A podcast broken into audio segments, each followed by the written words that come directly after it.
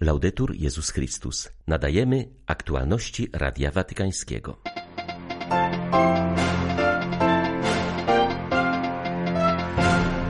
Kapłani potrzebują dziś radości Ewangelii i poczucia przynależności do ludu Bożego, mówił papież na audiencji dla uczestników konferencji o formacji stałej duchowieństwa. Franciszek wzywa do walki z handlem ludźmi. Szacuje się, że ofiarą tego haniebnego procederu pada co roku ponad 25 milionów osób. Anglia ma problem z fałszywymi konwersjami na chrześcijaństwo w celu uzyskania azylu. Rząd rozważa zmiany prawne, aby zapewnić ściślejszą kontrolę wniosków o konwersję. 8 lutego wita Państwa Krzysztof Bronk. Zapraszam na serwis informacyjny. Radość Ewangelii, przynależność do ludu Bożego oraz wielkoduszność służby to trzy wymiary, które powinny być nieustannie rozwijane w życiu i posłudze kapłanów. Franciszek zwrócił na to uwagę podczas audiencji dla ponad tysiąca księży i wychowawców seminaryjnych, którzy uczestniczą w konferencji poświęconej formacji stałej duchowieństwa. Papież podkreślił na pierwszym miejscu potrzebę przyjęcia radości Ewangelii, bycia uczniem i świadkiem – Sercem życia chrześcijańskiego jest dar przyjaźni z Panem, który uwalnia nas od smutku indywidualizmu i ryzyka życia bez sensu, bez miłości i bez nadziei, mówił papież. Franciszek zauważył, że trzeba się też starać o ludzki rozwój duchownych, co jednak nie może oznaczać ulegania wpływom świata, bo światowość, jak podkreślił, rujnuje serce kapłana. To jest kamień węgielny formacji stałej, nie tylko kapłanów, ale każdego chrześcijanina. Tylko wtedy, gdy jesteśmy i pozostajemy uczniami, możemy stać się sługami Boga i misjonarzami Jego Królestwa. Tylko przyjmując i pielęgnując radość Ewangelii, możemy nieść tę radość innym. Dlatego w formacji stałej nie zapominajmy, że zawsze jesteśmy uczniami w drodze i że stanowi to zawsze najpiękniejszą rzecz, jaka nam się przydarzyła, dzięki łasce. Ale możemy też spotkać kapłanów, którzy nie mają tej zdolności do służby, którzy są być może egoistami, kapłanów, którzy wybrali drogę przedsiębiorczości. Oni zatracili tę umiejętność czucia się uczniami, czują się panami. Si sentono padroni.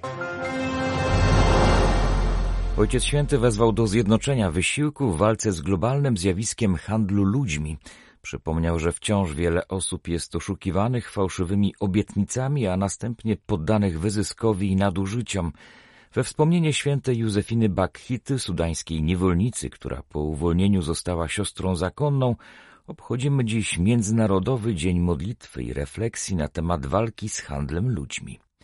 Szacuje się, że ten haniebny proceder dotyczy rocznie ponad 25 milionów osób. Często nie zdajemy sobie sprawy, jak wielu dziedzin naszego życia dotyka współczesne niewolnictwo – Wystarczy pomyśleć o ubraniach, które kupujemy, czy nieodłącznych telefonach komórkowych, za którymi kryje się haniebny proceder wykorzystywania dzieci i nieletnich zmuszanych do niewolniczej pracy, mówi Radio Watykańskiemu siostra Majra Kueliar. Należy ona do katolickiej sieci zakonnej Talita Kum, zajmującej się na całym świecie ratowaniem przed niewolnictwem głównie kobiet i dzieci. Siostry z różnych zgromadzeń zakonnych prowadzą szkolenia i kampanie uświadamiające w szkołach, parafiach i wśród lokalnych społeczności. Są one skierowane głównie do młodych dziewcząt, ale także do członków wspólnot religijnych oraz do migrantów i uchodźców. Siostra Majra wskazuje, że proceder handlu ludźmi nie słabnie, wręcz przeciwnie, zaostrza się z powodu pogarszającej się światowej sytuacji społeczno-gospodarczej. Dalla nostra esperienza la tratta possiamo definirla come un processo nella quale le persone Z naszego doświadczenia niewolnictwo definiujemy jako proces, w którym ludzie zostają oszukani przez fałszywe obietnice, a w konsekwencji odbiera się im wolność i wykorzystuje. Nie mamy dokładnych danych na temat tego, ile osób na świecie jest ofiarami niewolnictwa, ale według najnowszych szacunków ONZ jest to ponad 25 milionów osób. Ponad 70 70% z nich to kobiety i dzieci zajmujące się głównie prostytucją i żebractwem. Jest to rosnące zjawisko, ponieważ dotyka najbardziej bezbronnych, którzy często wpadają w te śmiertelne pułapki i w poszukiwaniu godnego życia dają się wykorzystać. Zakonna sieć Talita Kum od wielu lat angażuje się w pomoc osobom, które padły ofiarą handlu ludźmi, zapewniając im zarówno wsparcie duchowe, jak i materialne. Nigdy nie zostawiamy ich samych. Naszym pierwszym zobowiązaniem jest zapobieganie, a następnie opieka i towarzyszenie ofiarom w dostępie do wymiaru sprawiedliwości. Oczywiście pracujemy w sieci z różnymi instytucjami i organami państwowymi, które pomagają nam w tej misji. Kościół będzie tym piękniejszy, im bardziej przylgnie do Jezusa. Drogą odnowionego spotkania z Nim pozostaje liturgia. Papież mówił o tym na audiencji dla uczestników sesji plenarnej dykasterii do spraw kultu Bożego i dyscypliny sakramentów. Jej obrady poświęcone są formacji liturgicznej zarówno kapłanów, jak i wiernych. Franciszek podkreślił, że pięknie przygotowana liturgia staje się drogą do odkrycia tajemnicy zbawienia. Ojciec Święty przyznał, że 60 lat od ogłoszenia soborowej konstytucji o liturgii wciąż aktualne pozostaje wezwanie do podjęcia pracy na rzecz odnowy duchowej, duszpasterskiej, ekumenicznej i misyjnej. Podkreślił, że bez reformy liturgicznej nie ma odnowy Kościoła. Kościół, który nie odczuwa pasji duchowego wzrostu, który nie stara się mówić w sposób zrozumiały dla ludzi swoich czasów, który nie odczuwa bólu z powodu podziałów między chrześcijanami, którego nie pobudza pragnienie głoszenia Chrystusa narodom, jest kościołem chorym, każdy rodzaj reformy Kościoła jest zawsze kwestią wierności oblubieńczej. Kościół oblubienica będzie zawsze tym piękniejszy, im bardziej będzie kochał Chrystusa oblubieńca, aż do całkowitej przynależności pełnego upodobnienia się do Niego. Bez odnowionego spotkania z Chrystusem nie może być mowy o reformie Kościoła. Dlatego właśnie ojcowie Soboru zdawali sobie sprawę, że muszą umieścić liturgię w centrum, ponieważ jest ona miejscem par excellence, w którym można spotkać żywego Chrystusa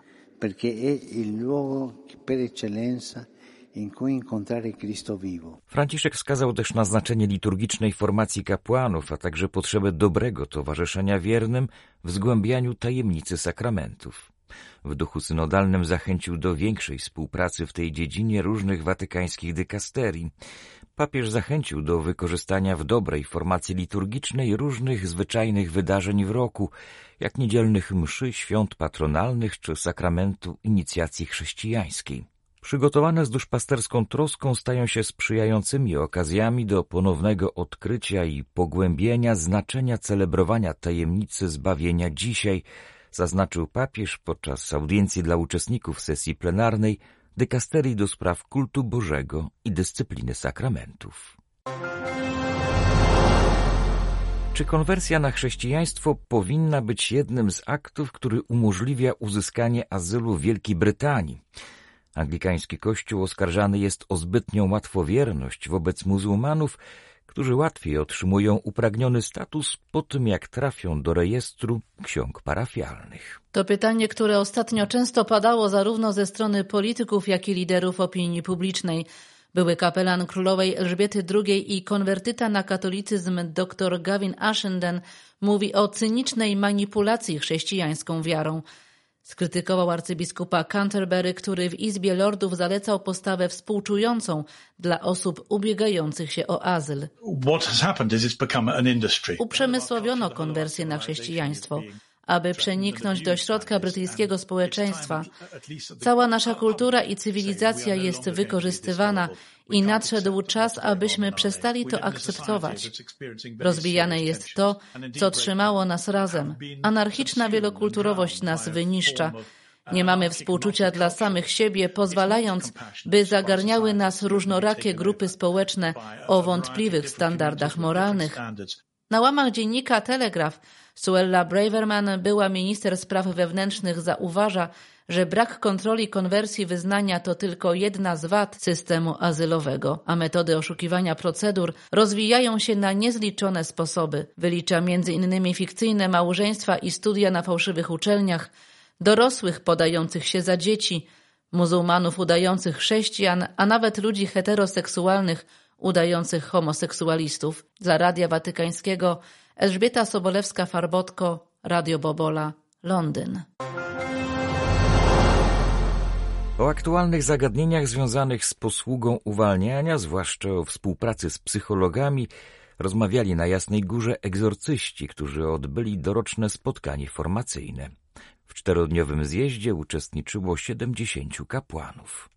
Wiodącym tematem było wypracowanie modelu współpracy z psychologami i psychiatrami. Zwrócono uwagę innymi na potrzebę wnikliwości wobec kondycji psychiczno-emocjonalnej osoby egzorcyzmowanej. Rzeczywistość duchowa i psychiczna człowieka zazębiają się ze sobą i to jest ten punkt newralgiczny rozeznania, czym może pomóc specjalista od psychiki, a w czym od duszy, zauważył ksiądz Janusz Częczek, koordynator krajowy egzorcystów z ramienia Konferencji Episkopatu Polski. Jest tu ten moment styku nie tylko dwóch dziedzin wiedzy, ale też styku tego, co cielesne z tym, co duchowe. Zawsze będzie wielkim problemem w takich sytuacjach moment e, określenia granic, gdzie jest granica dla psychologa, psychiatry i gdzie jest granica dla księdza jako duchownego. Egzorcyści przypominają starą prawdę, że tam, gdzie ginie wiara, budzą się demony. Głoszenie Jezusa Chrystusa, tego, który stał się człowiekiem, umarł na krzyżu i zmartwychwstał, to podstawa wszelkiego głoszenia, podkreśla ksiądz Andrzej Grewkowicz. Ciągle to, co najważniejsze, to głosić ludziom karygmat. Zacząć od tego, że Bóg jest miłością i że tę miłość chce nam nie tylko okazywać, ale wprost zanurzać nas w tej swojej miłości. Polscy egzorcyści na zjazdach krajowych spotykają się dwa razy w roku. Obecnie jest ich około 160. Dla Radia Watykańskiego Mirosława Szymusik, Biuro Prasowe Jasna Góra News. Jan Paweł II. Teologia ciała. Trudno jest streścić dzisiejszą konferencję, ponieważ była ona już i tak streszczeniem całego cyklu, który od szeregu miesięcy tutaj był przedmiotem naszych rozważań wokół słów Pana Jezusa wypowiedzianych w kazaniu na górze o porządliwym spojrzeniu, które Chrystus przyrównał do cudzołostwa popełnionego w sercu. Oczywiście, że te słowa mają wielkie znaczenie, są to słowa poniekąd syntetyczne, zawiera się w nich w zwięzłej formie centralna prawda etyczna. Wskazane jest zło porządliwości, które należy przezwyciężać i dobro, do którego należy dążyć na miarę możliwości człowieka obciążonego dziedzictwem grzechu pierworodnego. Na miarę możliwości, ale skutecznie z pomocą łaski Chrystusa i pod działaniem Ducha Świętego. Czystość serca została w tych naszych rozważaniach przedstawiona jako życie wedle ducha. Oczywiście w tym wszystkim zawiera się także bardzo ważna prawda o człowieku, o powołaniu człowieka, o powołaniu ze strony Boga do pełni człowieczeństwa. Ta wizja czystości, jaką Chrystus roztacza, a wraz z nim cała Ewangelia, listy świętego Pawła, Chrystus w krótkich stosunkowo słowach, jest wizją atrakcyjną. Czystość jest nie tylko zakazem, nie tylko wstrzemięźliwością, jest także dojrzałością duchową, jest także źródłem radości płynącej z posiadania siebie samego i z dojrzałego daru, jaki człowiek z siebie czyni drugiemu człowiekowi lub Panu Bogu samemu. Całość katechezy o teologii ciała na polskiej stronie Vatican News w YouTube oraz głównych platformach podcastowych. Były to aktualności Radia Watykańskiego. Laudetur Jezus Chrystus.